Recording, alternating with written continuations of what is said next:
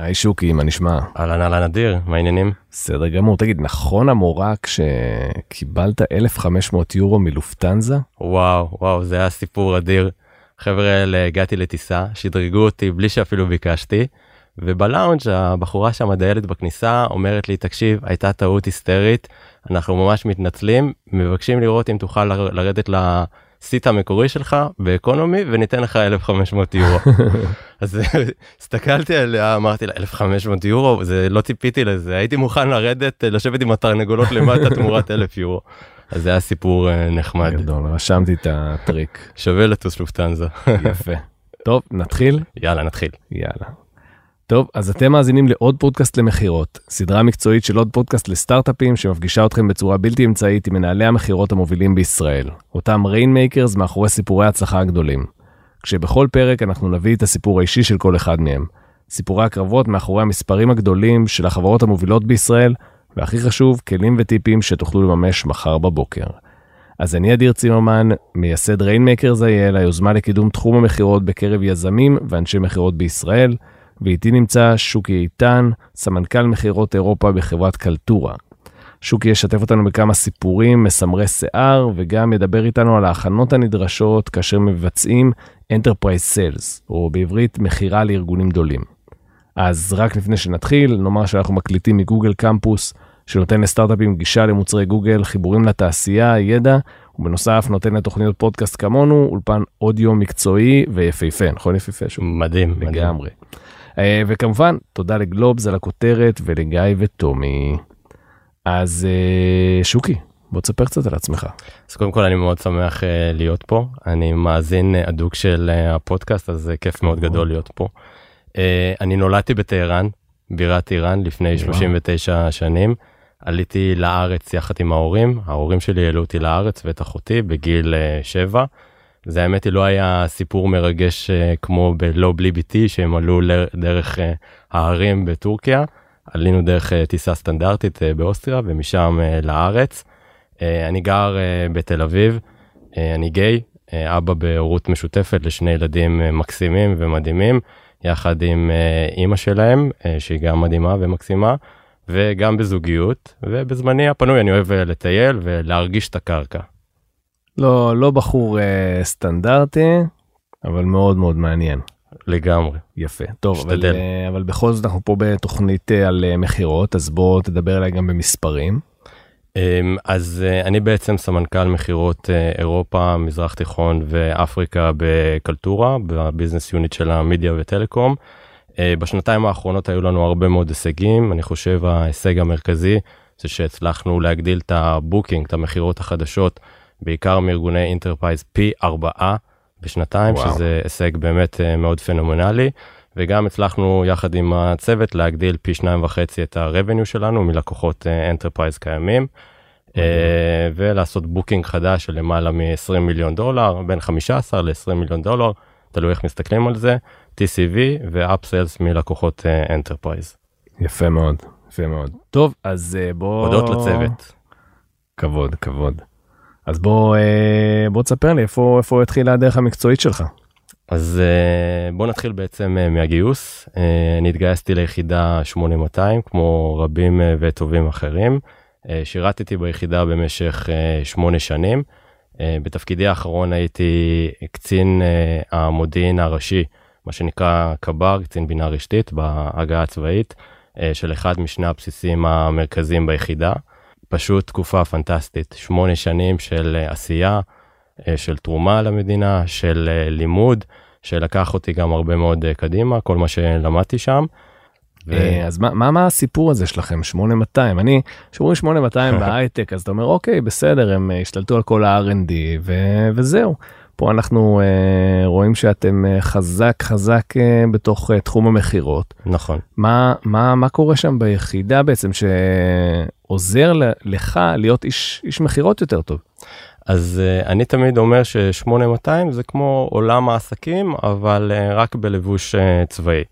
אני אתן כמה דוגמאות של דברים שלמדתי ביחידה ומשרתים אותי אה, קדימה וכמובן שבאותה בהזדמנות הזאת חשוב להגיד שלומדים גם דברים דומים במקומות אחרים וצה"ל באופן כללי זה מקום שלומדים ממנו הרבה ולוקחים ממנו הרבה. דבר ראשון מרכזי שלמדתי זה to execute, להביא דברים לכדי יישום.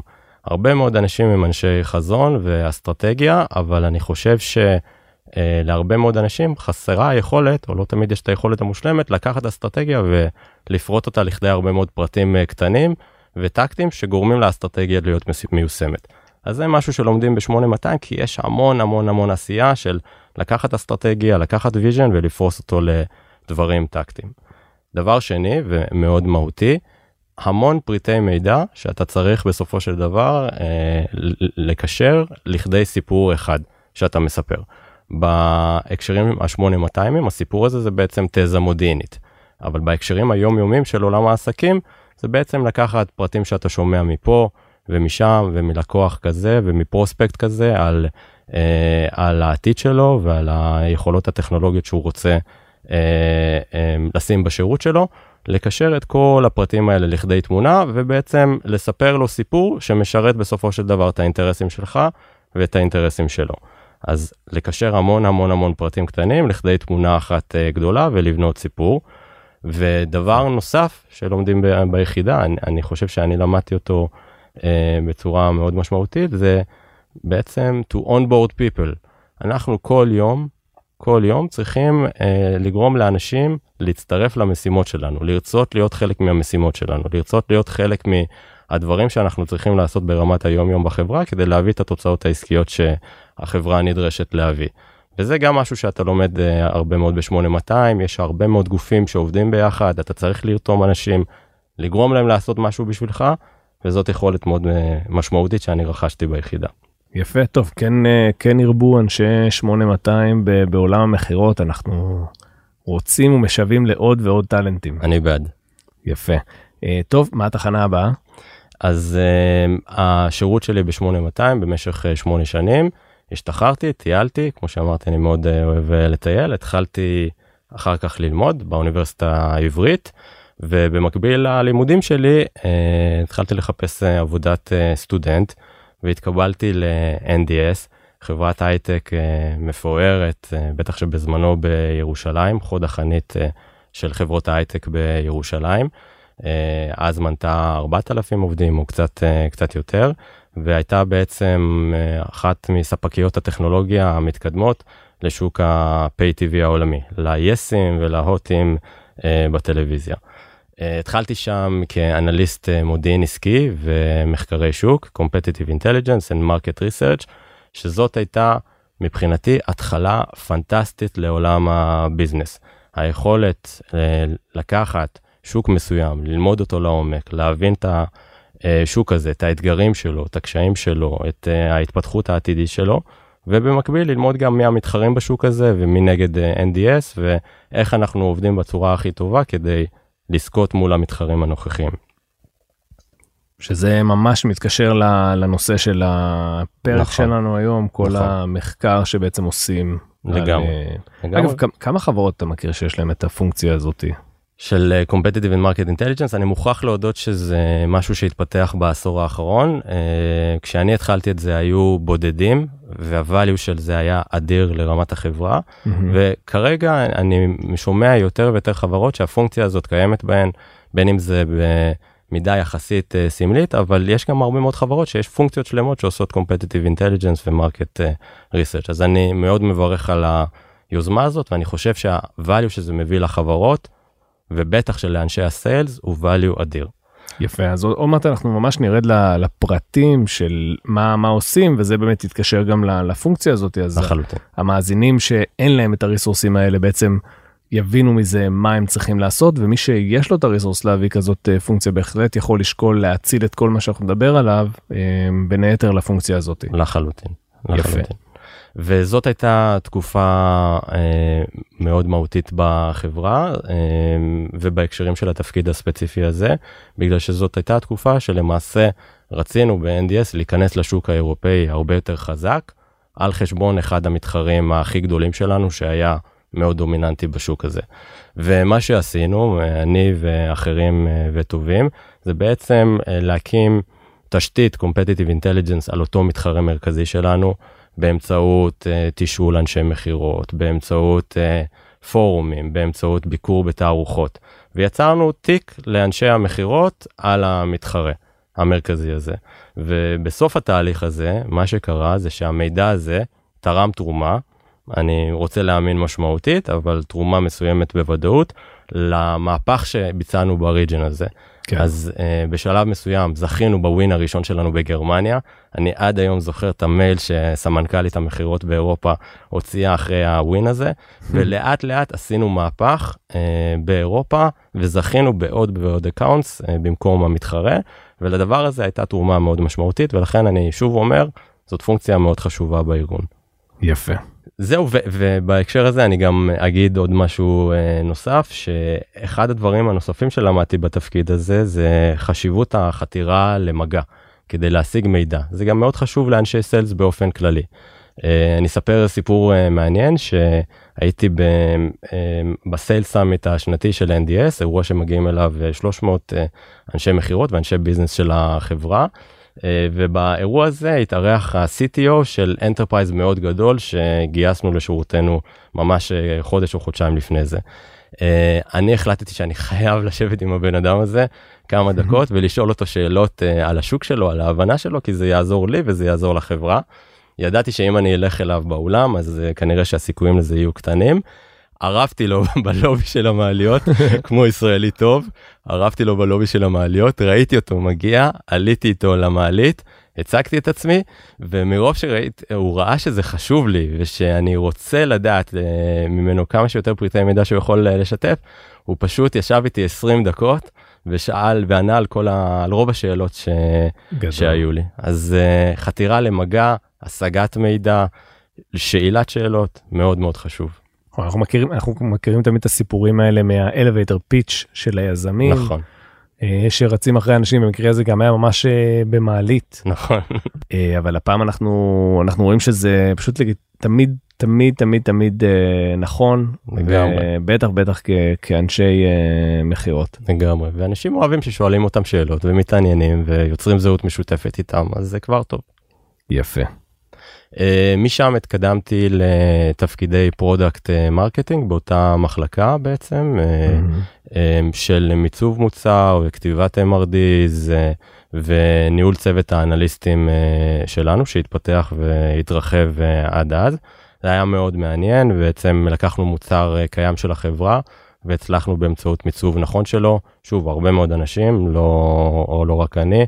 אה, להגדיל את המכירות שלו פי שלושה תוך אה, שנתיים, אה, בעיקר בשווקים מתפתחים באסיה ובלטין אמריקה, מאוד מאוד מעניין. אז בעצם אני חושב שגם ברמה המתודולוגית, להתקדם, להתקדם מהבנת השוק והבנת המתחרים, לקחת אחריות על מוצר, משהו מאוד מאוד מעניין, שאתה לוקח את הדברים שלמדת מתקופת האנליסטיות קדימה. יפה. וזה כיף. אה, ומשם בעצם ב-2012 אה, סיסקו רכשה את אה, NDS בסכום של חמישה מיליארד דולר. וואו. רצתה להיכנס עמוק לתחום הווידאו, סיסקו החליטה שזאת הייתה החלטה נכונה דאז בשבילה. אקזיט מאוד מרשים עבור, עבור החברה. ודי מהר, בעצם אני אגיד לפני זה, בעצם סיסקו רכשה את אה, NDS בחמישה מיליארד אה, דולר, אה, ואני הייתי אחראי על אחד הצוותים שיצר את הסינרגיות בין המוצרים של NDS לסיסקו כדי ליצור פורטפוליו אחד של מוצרים ולא מוצרים שמתחרים אחד עם השני. גם מאוד מעניין כמובן. כן. אני די מהר הבנתי שסיסקו זה פחות בשבילי, לא בגלל סיסקו ספציפית, אבל עולם שהוא מאוד... עולם ה enterprise vendor אה, שהוא מאוד מאוד גדול וקבלת ההחלטות שם אולי קצת יותר אה, מסובכת וקצת יותר מורכבת ואני צריך בתור אחד שכל הזמן זז ולא יכול לשבת על הישבן שלו צריך אה, אתגרים ועניין ו passion ומה שעשיתי זה ניצלתי את יכולות המרקט ריסרצ' המתקדמות שהיו לי והתחלתי להתעניין באיפה אני רוצה לעבוד. כן. דיברתי עם הרבה מאוד אנשים. אה, קראתי הרבה מאוד עיתונות ובשלב מסוים הגעתי למסקנה שאני רוצה לעבוד בקלטורה. יפה. שלחתי מייל לרון אה, יקותיאל, המנכ"ל האלוף שלנו, המנכ"ל והצ'רמן, אמ, אדם באמת ברוך אה, כישרונות. שלחתי לו מייל שאומר שלום, אני שוקי, אני רוצה לעבוד בקלטורה, איך אנחנו גורמים לזה לקרות, והשאר היסטוריה. יפה, יש לנו פה, יש לנו פה האמת מוטיב חוזר. היה לנו פה ראיון כבר בשני ראיונות אחרונים. שציינו את העובדה שאיש המכירות נכון. הוא זה שסרק את החברה, מצא אותה וניגש אל, ה... אל החברה עצמה. נכון. אני חושב שזה היה עם אה, אייל מ-day 2 ועם אה, מירב גל, one hour translation. זהו, ואז אה, בעצם אחרי כמה חודשים התחלתי לעבוד בקלטורה. קלטורה, אחלה חברה, עם can do approach מאוד מאוד משמעותי. DNA מאוד חזק של סרוויסביליטי, של לקוחות, של collaboration, של לתת לאנשים לנסות וגם uh, לטעות. DNA מאוד מאוד חזק של החברה, כל הדברים האלה גורמים להרבה מאוד fun, אני חושב שרוב האנשים שעובדים בחברה מאוד מאוד מאוד נהנים מהעבודה היומיומית שלהם, מאוד נהנים להגיע לעבודה, מאוד נהנים uh, לעבוד uh, באופן uh, כללי. אה, וזה כמובן קרדיט אדיר ל founders של, אה, של החברה, ארבעת ה founders של החברה. אה, במילה מה הקלטורה עושה? אז אנחנו הלב הפועם מאחורי שירותי הווידאו המתקדמים בהרבה מאוד סגמנטים. סגמנטים כמו חינוך, למשל אתה רוצה לשדר את הווידאו שלך, של השיעור או ההרצאה שלך באוניברסיטה לסטודנטים, או ה enterprise, המנכ"ל רוצה לעלות uh, לוידאו מול uh, כל עובדי החברה, וה business unit או הסיגמנט שאני שייך אליו, המדיה וטלקום, בעצם יצירת mission critical services לשידורי וידאו על גבי תשתית האינטרנט עבור הנטפליקסים השונים של, של העולם. אז זה בעצם ה business unit שאני שייך אליו. מבחינת החברה יש לה uh, המון מנועי צמיחה להתקדם אליהם, Human Capital Management, Customer Service, אה, Video Enrichment, אז יש לנו עוד המון אה, לאן אה, להתפתח. גרטנר בחרה בנו ממש לפני שבוע וחצי, שבועיים, כחברה במקום הראשון מול המתחרים בארבעת הקטגוריות, בארבע הקטגוריות המרכזיות שלה, ויש לנו המון לקוחות גדולים וגם לקוחות enterprise, בעצם אלפי לקוחות, אבל to name a few, Bank of America, Oracle, SAP, Siemens, לוריאל, בוש, ובתחום הספציפי שלי של media and telecom, וודאפון שהוא לקוח מאוד גדול ומשמעותי שלנו, יפה. לקוח enterprise, ביליין, וייקום, דיסני ואחרים. יפה מאוד, אז אתה היום בעצם מוביל את כל EMEA בחברה? נכון. זה רגע לפני שאנחנו עוברים לנושא המקצועי, כן. בוא תיתן לי את האג'נדה שלך לגבי uh, מה דעתך על מצב ה sales בישראל היום. אז uh, קודם כל uh, uh, קטונתי אני יכול להגיד ממה שאני יודע מה-VP השונים שאני מדבר איתם ואני משתדל לדבר uh, הרבה. קודם כל אני חושב שארגון באופן כללי צריך להיות uh, מוטה מכירות כי מה שמגדיל את הביזנס זה, זה המכירות. אני יכול להגיד שהאדרנלין בתחום הזה הוא פשוט מדהים ופנטסטי אני יודע להגיד עליי ועל אנשים. אה, דומים שמתעסקים בזה שאין לנו רגע דל אנחנו אף פעם לא יושבים אה, אה, לא נחים על זרי הדפנה כל הזמן מסתכלים קדימה מה עוד אפשר לעשות איך עוד אפשר להפתיע איך אפשר להגדיל את הביצועים של החברה ובעצם להפתיע אולי מעבר למה שאנחנו אמורים להביא וזה מביא להרבה מאוד יצירתיות והרבה מאוד תושייה מאוד מאוד כיף. אני חושב שמה שאולי קצת פחות טוב בארץ זה שאנחנו כישראלים תמיד מחפשים uh, תכלס. אז פחות, אנחנו פחות נסמכים על דברים כמו pipelining ו funneling ולעשות חשיבת go to market ברמת ה sales, וזה משהו שאנחנו צריכים להקדיש לו קצת יותר זמן, קצת יותר עבודת כפיים, בסופו של דבר זה מביא תוצאות. יפה, יפה. אג'נדה רצינית יש לך. אוקיי, אז uh, נעבור לנושא המקצועי. לגמרי. מעולה. הנושא שלנו שבחרנו הוא בעצם ההכנה לפני מכירה לארגון גדול, נכון. Enterprise Sales, כשהמוטיבציה הכללית לזה היא בעצם בזה שיש פה הרבה חברות סטארט-אפ ישראליות שמוכרות B2B בסופו של יום, אם במכוון או אם uh, אחרי שהם תכננו mm-hmm. את זה. זאת אומרת חברת סטארט-אפ לפעמים מתחילה למכור ל enterprise כי הגיע איזה מנכ"ל גדול לארץ פגש אותה דרך uh, מכון הייצוא או כל uh, גורם אחר ופתאום מוצאים את עצמם בתוך uh, תהליך כזה. או שאתה כבר נמצא בגיל קצת יותר בוגר של החברה ואתה כבר ממש מתכנן ואומר אוקיי אלה הלקוחות שמתאימים לי. ולכן אנחנו רוצים לעזור פה לכולם להתכונן אז בצורה שבה אתה תבנה למאזינים שלנו איך להתכונן לכזאת מכירה שים לך בראש בעצם שני מצבים. מצב mm. אחד זה חברת הסטארט-אפ שהם עכשיו כמה פאונדרים, אה, שאולי אחד או שניים מהם מתעסקים בצד הזה של לקוחות סלש מכירות. והשני באמת חברה גדולה עם resources ים שיכולה ללכת לכיוון הזה, אבל אני חושב שבסוף ה playbook בהקשר הזה הוא לא, הוא לא משתנה. מסכים. במכירת enterprise אתה חייב לעשות את מה שאתה חייב לעשות ואין קיצורי דרך. מסכים. אז אה, בוא נתחיל. אז קודם כל אני משתף אה, מניסיונם של רבים אה, וטובים ובכללם של אה, שותפי לפשע ליאור לוי שמנהל את rest of the world בקלטורה אנחנו עובדים כצוות אחד ואני מביא פה גם מניסיונו הרב מאוד והעשיר מאוד. בוא נתחיל אדיר בלהגדיר מה זה בכלל חברת enterprise. אז ההגדרה היבשה זה ארגון של מעל 1500 עובדים עם מכירות של מיליארד וחצי דולר בשנה. והייתי מוסיף קבלת החלטות אה, סבוכה ולא פשוטה. לא בן אדם אחד בסוף בא ומחליט אה, האם לקנות את המוצר ממך או לא. אז זאת, אה, זה חלק אחד של ההגדרה. אני חושב, אני ארצה להוסיף עוד משהו להגדרה הזאת, וזה בעצם סט הדרישות של אותו prospect או אותו לקוח פוטנציאלי. ואנחנו רואים שחברות enterprise, סט הדרישות שלהם הרבה יותר סבוך.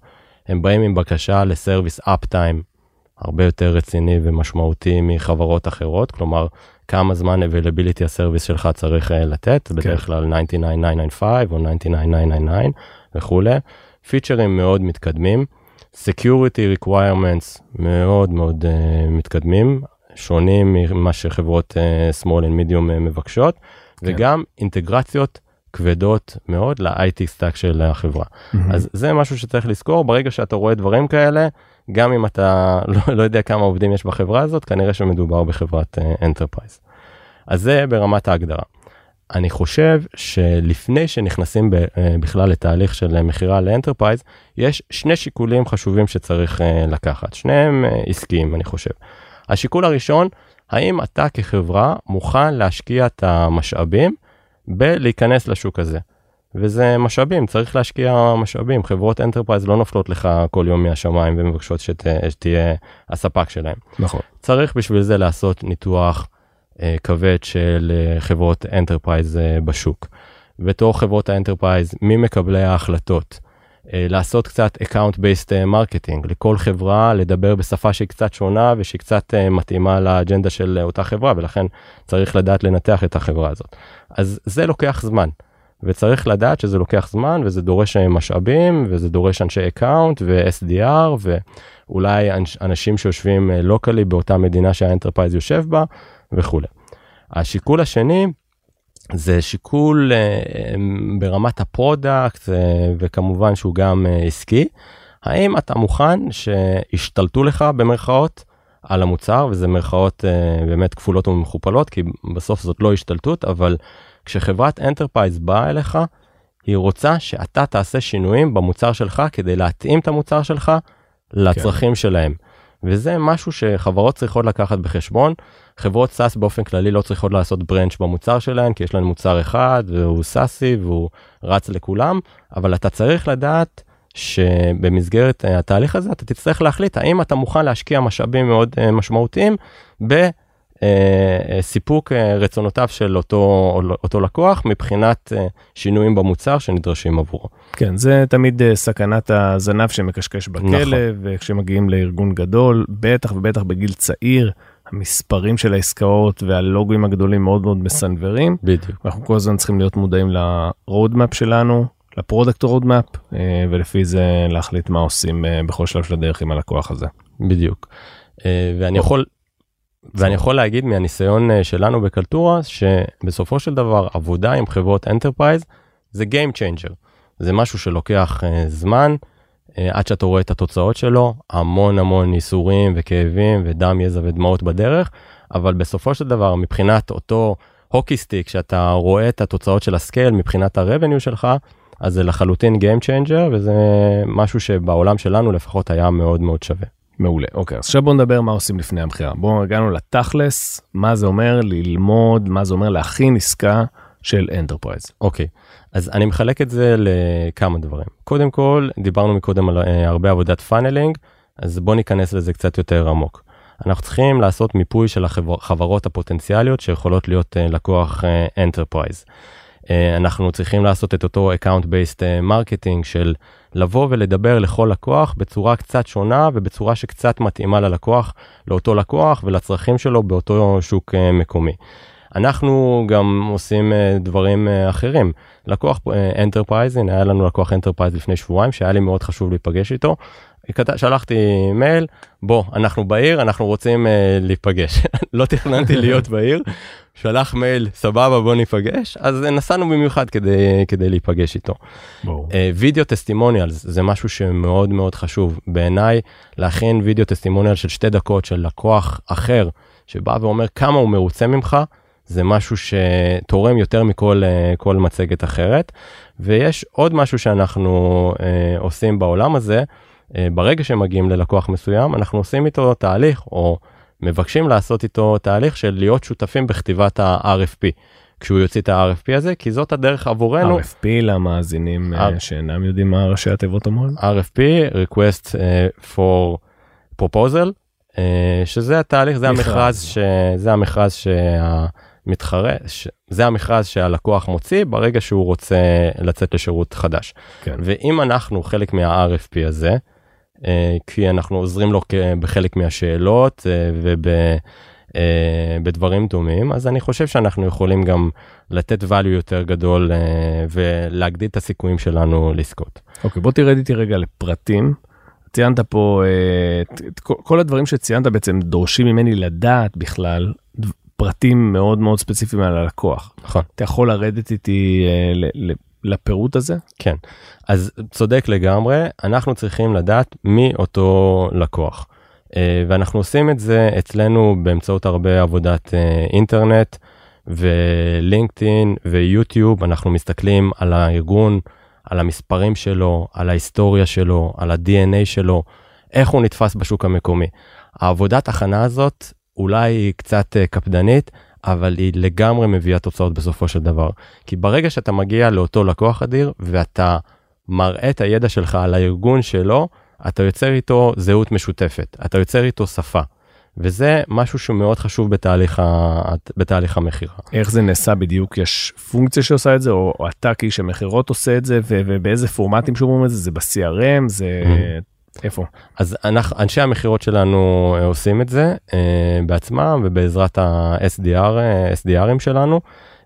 בסופו של דבר אנחנו בונים מצגת שנקראת know your prospect או mm-hmm. know your customer שבו אנחנו מאגדים את כל האינפורמציה הזאת ברמה הכללית וכמובן שאת השמות של האנשים שאנחנו מצליחים להגיע אליהם אחרי עבודת הכפיים הזאת אנחנו מכניסים ל-CRM שלנו ובאופן קונסיסטנטי אה, עושים follow-up כדי לראות אה, שאנחנו מצליחים לארגן פגישות עם אה, אותם לקוחות. אה, אז זה השלב הזה, ואם נעשה עוד zoom in אחד, אז אחרי שאתה כבר מצליח להגיע ללקוח פוטנציאלי ומצליח לקבוע איתו פגישה, אני לא אוהב להגיע טבולה ראסה. אני אוהב להגיע כשיש לי עליו הרבה מודיעין. כן. אה, את זה למדנו כבר, ואני חשוב לי להגיע לשלב הזה, במיוחד אצל לקוחות enterprise שיש הרבה מאוד אנשים, כשאנחנו יודעים מה המוטיבציות של אותו לקוח, מה הכאבים שלו, איך התחרות המקומית שלו נראית, מי מקבלי ההחלטות, היחסי, יחסי הכוחות בין מקבלי ההחלטות השונות, על מה הם מתומרצים כדי לקבל החלטה. עכשיו זה לא מידע שקל uh, להשיג uh, ובטח שלא קל uh, לקבל uh, בפשטות. אנחנו עושים את זה uh, באמצעות לשאול הרבה שאלות זה לא חייב להיות שאלות straight forward מה המוטיבציות שלך במהלך הפגישה או השיחה עם הלקוח במהלך הפגישה והשיחה עם הלקוח לשאול שאלות צד אנשים שונים לתפוס בהפסקות לשאול לאן הם הולכים לאיזה כיוון מה הכאבים שיש להם אה, אה, היום.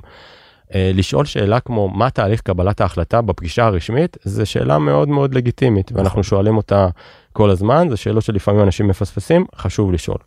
אנחנו גם מגייסים דור אופנר מקומי בעצם קונסלטנט מקומי שיושב באותה מדינה ומכיר הכי טוב את השוק המקומי הזה, משלמים לו אה, שכר טרחה מאוד מאוד מאוד בסיסי. retainer מאוד בסיסי וחלק מהעסקה אם בסופו של דבר הוא עוזר לנו לסגור את העסקה והוא גם מביא לנו חלק מהתשובות לשאלות האלה. והתוצר של הדבר הזה זה engagement plan. כן. בסוף אנחנו מגיעים לתהליך מכירה ל enterprise שכולל הרבה מאוד אנשים, שכולל הרבה מאוד מוטיבציות, שכולל הרבה מאוד אינטרסים שונים, בזה שאנחנו יודעים מה ה-engagement plan שלנו. האיש הזה, מי ניגש אליו, מי מדבר איתו, איש אחר, אולי אנחנו צריכים אה, להפעיל את המנכ"ל שלנו כדי להגיע אליו, אם הוא decision maker או ברמה, ברמה בכירה. האיש השלישי, אולי אנחנו צריכים לשלוח אה, אה, לקוח אחר שלנו, שבמקרה מכיר אותו וראינו את זה ב Navigator של LinkedIn, אה, לדבר איתו. חשוב מאוד לעשות את ה engagement plan הזה, כי זה מגדיל את הסיכויים שלך לזכות, ועוד לפני הזכייה זה מגדיל את הזיכויים, את הסיכויים שלך ליצור זהות משותפת עם אותו לקוח. זהות משותפת מאוד חשוב. ובעצם ה-engagement plan הזה זה משהו דינמי זאת אומרת אתם מתחילים בעצם לא דיברתם עם אף אחד מהארגון אתם יודעים רק מה שהסתכלתם עליו באינטרנט. בדיוק. התחלתם לעשות פגישות ראשוניות הבנתם תמונה קצת אחרת אתם, אתם מעדכנים אותו. איך אתם עושים את זה פגישות weekly, אז, monthly, מה? כן, אז זה באחריות הסיילסמן והוא uh, עובד יחד uh, איתי. אנחנו גם מערבים אנשים נוספים, uh, uh, הבוס שלי, אנשים מקבילים כדי לוודא שאנחנו לא מפסידים, לא מפספסים שום דבר ב-engagement plan הזה. בסופו של דבר יש להרבה אנשים הרבה ידע, הרבה מאוד רעיונות יצירתיים. חשוב לנו לוודא שכשאנחנו מגיעים לתהליך מכירה, אנחנו יודעים to engage עם כל האנשים הרלוונטיים. כמה ה marketing מעורב בדברים האלה? מאוד מעורב, ה marketing בקלטורה הוא ארגון מאוד חזק, מאוד אה, דומיננטי, מאוד יצירתי, עם הרבה מאוד אה, עזרה וסיוע שאנחנו מקבלים ממנו גם. יפה. אז uh, אני אתן uh, אולי um, שתי, שתי דוגמאות, אחת uh, טובה ואחת פחות טובה, כן? חייבים ללמוד גם מהדוגמאות הפחות טובות. מעולה. Um, יש לנו לקוח enterprise קיים, שחטיבת ה fixed שלו, חטיבה שאחראית על המוצרים בתוך הבית, היא לקוח שלנו. ואנחנו רצינו להגיע לחטיבת ה mobile. נכון? חטיבה מאוד משמעותית וגדולה, יותר גדולה מהפיקס. באמצעות אותו engagement plan שדיברתי עליו מקודם, בנינו מיפוי מאוד מדויק של כל האנשים שם. מערכת uh, היחסים שלהם עם אנשים, uh, עם האנשים בחטיבת הפיקס, אינטרסים uh, משותפים או, או שונים, uh, היעדים השונים שלהם, המוטיבציות השונות שלהם, ההנהלות השונות, ולאט לאט לקחנו את ה engagement plan הזה קדימה, ובסופו של דבר הצלחנו לחתור למגע ולהגיע לאותה חטיבת uh, mobile ועכשיו אנחנו מריצים פרויקט uh, מאוד משמעותי ומהותי עם אותה חבית חטיבת mobile. ודוגמה אולי uh, לצד ההפוך, שנה שעברה הפסדנו עסקה, בין השאר כי לא התעקשנו מספיק על אותו engagement plan. Uh, בסופו של דבר לא ידענו מספיק מי מקבלי ההחלטות, מה התקציב שלהם עבור הפרויקט, אני יכול להגיד שבסוף התקציב היה יחסית קטן אז כנראה גם לא היינו לוקחים את הפרויקט הזה אבל הדברים האלה הם מהותיים לתהליך המכירה ב enterprise. אני מעדיף לא להשאיר לגורל את ההחלטה אם אנחנו זוכים בלקוח או לא זוכים בלקוח. אנחנו עושים את המקסימום וזה מביא תוצאות. יפה. אז בעצם עשינו את התהליך אה, הכנה אנחנו תהליך הכנה ב enterprise מה שתיארת פה נמשך חודשים על גבי חודשים עכשיו אנחנו נכנסים יש לנו בעצם עכשיו buying window ואנחנו נכנסים לתהליך המכירה. איך בא לידי ביטוי איסוף המידע בזמן תהליך המכירה. אז אני אגיד אולי אמ, לפני זה כמה טיפים מאוד ייחודיים לעולם ה enterprise בתהליך הראשוני הזה. אמ, אני יכול להגיד שהרבה חברות מתלבטות האם להיכנס ל enterprise. קשה להיכנס אבל קשה באותה מידה לצאת.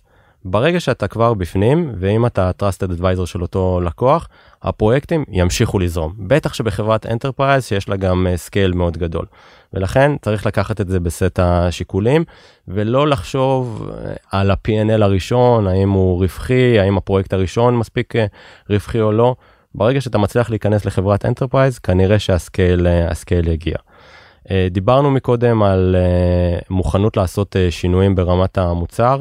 שוב, צריך לקחת את זה בחשבון ולדעת uh, to embrace this. בסופו של דבר, חברות enterprise הולכות לחברות קטנות, לסטארט-אפים, בגלל שהן יודעות שסטארט-אפים יותר גמישים, המחשבה שלהם יותר משוחררת והם מוכנים לעשות את השינויים האלה במוצר שלהם. מהמם. צריך לקחת את זה בחשבון, לשים לזה קו אדום, אבל אה, בסופו של דבר לגרום לזה לקרות. ועוד דבר חשוב, אה, כשאנחנו ניגשים לארגון enterprise, אנחנו עובדים לפעמים עם חמישה גופים שונים באותו ארגון. יש לנו לקוח enterprise, שכדי להעביר שם משהו, אנחנו צריכים לעבור חמישה גופים שונים וואו. בתוך אותו ארגון. ולכן בתהליך המכירה חשוב אה, לשאול מי אה, הגופים שהולכים להיות חלק מתהליך המכירה. אה, מי הולך לאשר את זה בכל אחד מהגופים האלה, וגם במשא ומתן לזכור להשאיר משהו להמשך. לא לסגור הכל עם הגוף הראשון, ואז בא אליך מישהו אחר מה procurement או מחטיבה אחרת ומבקש ממך לעשות עוד קצת אה, הורדות במחיר. כן. חשוב לזכור את זה. אמ, ודבר אחרון, אה, מכירות enterprise מהניסיון אה, שלנו חייבות מעורבות כוללת של החברה, כולל המנכ"ל, אצלנו גם רון וגם הבוס שלי שי דוד, חלק מאוד מהותי ממכירות כאלה, צריך להביא אותם למכירות כאלה כדי שיהיו חלק מ- מהתהליך הזה וגם יתרמו את שלהם, תרומה מאוד גדולה. יפה.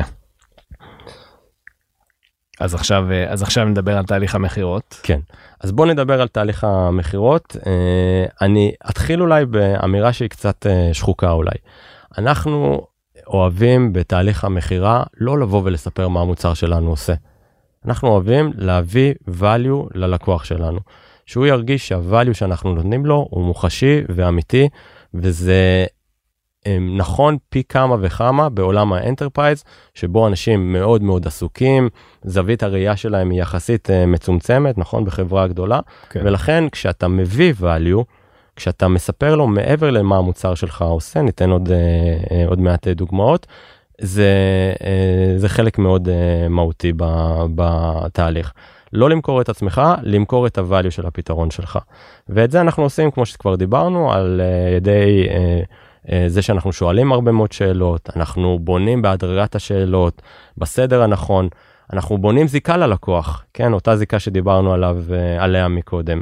ובסוף התהליך הזה אנחנו יודעים מה מעניין אותו, מה, אה, מה ה pain points המרכזיים שלו, ואנחנו יודעים לכוון אה, לשם. אני אתן ברשותך שתי דוגמאות. אוקיי. אה, אז הדוגמה הראשונה היה לקוח מאוד עקשן שניסינו להיכנס אליו, הרבה מאוד זמן לא הצלחנו. ואז עשינו שינוי ב mindset שלנו באמצעות, אה, בעזרת אנשי ה marketing שלנו, בעצם באנו אליו ואמרנו לו, אתה יודע מה? בוא, אנחנו לא רוצים לדבר על המוצר של אה, קלטורה. אנחנו רוצים לעשות איתך איזשהו digital transformation journey, שבו אנחנו נספר לך מה קורה בשוק, מה האתגרים המרכזיים במקומות אחרים, מה המתחרים אחרים באופן כללי, כן, במידע שהוא יחסית אה, אה, אה, public information עושים, ומה אנחנו חושבים שהם ה pain points המרכזיים שלך בשוק ומה אתה צריך לעשות. אז כן. הדיבור בכלל לא היה על קלטורה, הדיבור היה באופן כללי על ה-value שאנחנו יכולים להביא בשוק. זה ממש פיצח את הסיפור עם אותו לקוח, כי פעם ראשונה ישבנו איתו במצגות, עברנו איתו על השוק באופן uh, כללי, וזה פתח אותו ללבוא ולספר בצורה קצת יותר עמוקה על הפיין פוינט שלו, על איך הוא חושב שהפתרון של קלטורה יכול uh, uh, לעזור. אנחנו יכולנו כבר סוף כל סוף לשאול שאלות קצת יותר עמוקות, וזה פתח את תהליך המכירה בצורה מאוד מאוד בולטת. יפה מאוד. זאת דוגמה אחת, ועוד אה, אה, עוד דוגמה דווקא מתהליך אה, של לקחת אה, סכנת churn אה, ולהפוך אותו uh, ל upsell. אז דיברנו מקודם על זה שהשירותים שלנו הם mission criticals. כן. היה לנו לקוח enterprise מאוד גדול, שבמשך תקופה מצומצמת לא עמדנו באפטיים שלנו עבור הסרוויס, מהמם. עבור אותו לקוח. וזה גרר, הביא לסכנה מאוד רצינית שהלקוח יבוא ויגיד חבר'ה, אני מוציא מכרז חדש, תודה רבה. בעצם ידענו שהוא הולך לכיוון הזה. ופה אני חייב לתת אה, קרדיט אה, מאוד גדול לבוס שלי, שי, דו, שי דוד, אה, שהוא גם co-founder בקלטורה ומנהל את חטיבת המדיה וטלקום שלנו, שהיה בעצם האדריכל של הרעיון הזה. פתרנו לו את הבעיה ללקוח באמצעות אנשי האופריישנס, ואז שי בא ואמר, חבר'ה, האפטיים שאנחנו נותנים לכם זה בכלל לא האפטיים שאתם צריכים, אתם צריכים אפטיים הרבה יותר גדול והרבה יותר מאתגר והרבה יותר משמעותי. התחלנו לדבר איתו אחרי ש- we gained his trust uh, again, ובאמת ראינו שגם המתחרים שלו נותנים uptime מאוד, uh, מאוד uh, גדול יותר. כן. את זה הפכנו מסכנת צ'רן מהותית לאפסל הכי גדול בתולדות החברה, שאנחנו נהנים מהפירות של האפסל הזה עד היום. אז מדהים. נקודה מאוד חשובה, לקחת סיכונים, לקחת אה, אה, סכנות כאלה ולנסות לראות איך אפשר להוציא מהם את המיטב ולהפוך אותם להזדמנויות. נכון, אני חושב, אני חושב גם שאתה מראה פה על רמת אינטימיות מאוד מאוד גבוהה שמגיעים בה עם, ה, עם הלקוח, עם היכרות של הצרכים שלו וה, וההבנה שלו. נכון. אה, אתה פשוט, אי, אי אפשר אחרת, נכון. אי אפשר אחרת, אחרת אתה לא מצליח להביא לא את המכירה ולא את האפסל, ובטח שלא אה, לטפל אה, ב, במשברים. נכון. אז, אז אולי עם זה, בואו נדבר רגע, דיברנו על מה עושים לפני, דיברנו על אה, שלב המכירה, אנחנו נוגעים קצת אה, באחרי, יש לך איזה משהו מיוחד להגיד על הנושא הזה של התפעול השוטף, איסוף מודיעין על, על לקוח קיים, כן. בשביל לחזק את הקשר, לעשות upsell, לתפעל אה, משברים? שאלה מאוד מאוד מאוד טובה. אני יכול להגיד שבעולם שלנו, אנחנו מנסים ליצור קשר אישי עמוק, trust מאוד עמוק עם הלקוחות שלנו. ולכן, אגב, אנחנו גם עברנו איזשהו תהליך, אה, שוב בהנהגתו של אה, שי, אה, ש sales, שמסיים את תהליך המכירה, נשאר גם ה account manager של אותה עסקה, אני יודע שגם הרבה חברות אחרות בתעשייה עוברות את אותו תהליך, כי אנחנו רוצים גם לשדר מול אותו לקוח פוטנציאלי, את זה שאנחנו לא מוכרים ונעלמים ומעבירים את המקלות למישהו אחר אה, בצוות. מי שעושה את ה sales נשאר אחרי זה כ account, ואני יכול להגיד לך שעבור אה, לקוח למשל כמו וודאפון, שהוא לקוח enterprise אה, מאוד משמעותי של, של קלטורה, שאחראי על revenue portion גדול שלנו, זה היה משהו מאוד מהותי בתהליך המכירה עצמו. אז אני חושב sales שנשארים כ account זה משהו מאוד חשוב. בנוסף, אה, אחד ה differentiators המרכזיים של חברות אה, סטארט-אפ או אה, חברות יחסית קטנות לעומת חברות יותר גדולות, הייתי אומר, הוא לא ברמת ה feature set, אלא כן. הוא יותר ברמת ה serviceability. כשאתה בא ואומר, וכשאותו prospect מרגיש ממך, שאתה כל הזמן שם בשבילו.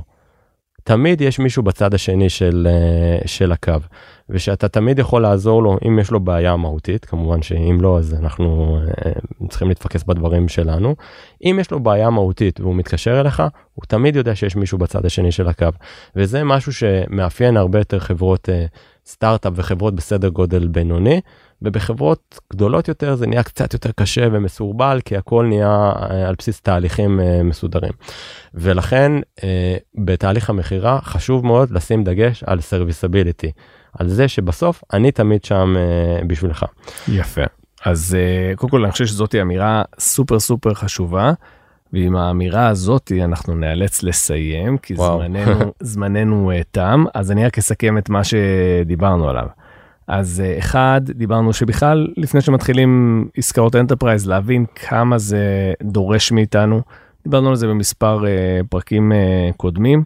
אחרי זה uh, הבנו מה עושים לפני המכירה. אה, מבחינת האיסוף המידע ללקוח וזה גם כולל את כל שלב הפרוספקטינג השלב שאנחנו נכון. עושים את השיחות הראשונות עם הלקוח ואיך זה בא לידי ביטוי אחרי זה בתהליך ה, אה, כמו שאתה קראת לזה engagement plan שאנחנו שמים ואיך אנחנו הולכים לחתור למגע עם הלקוח. אה, דיברנו על החשיבות של זה בתהליך המכירה עצמו וגם על זה שתכל'ס זה אף פעם לא מסתיים. ממש אנחנו לא. כל הזמן צריכים להמשיך לתחזק את המודיעין שלנו על הלקוח.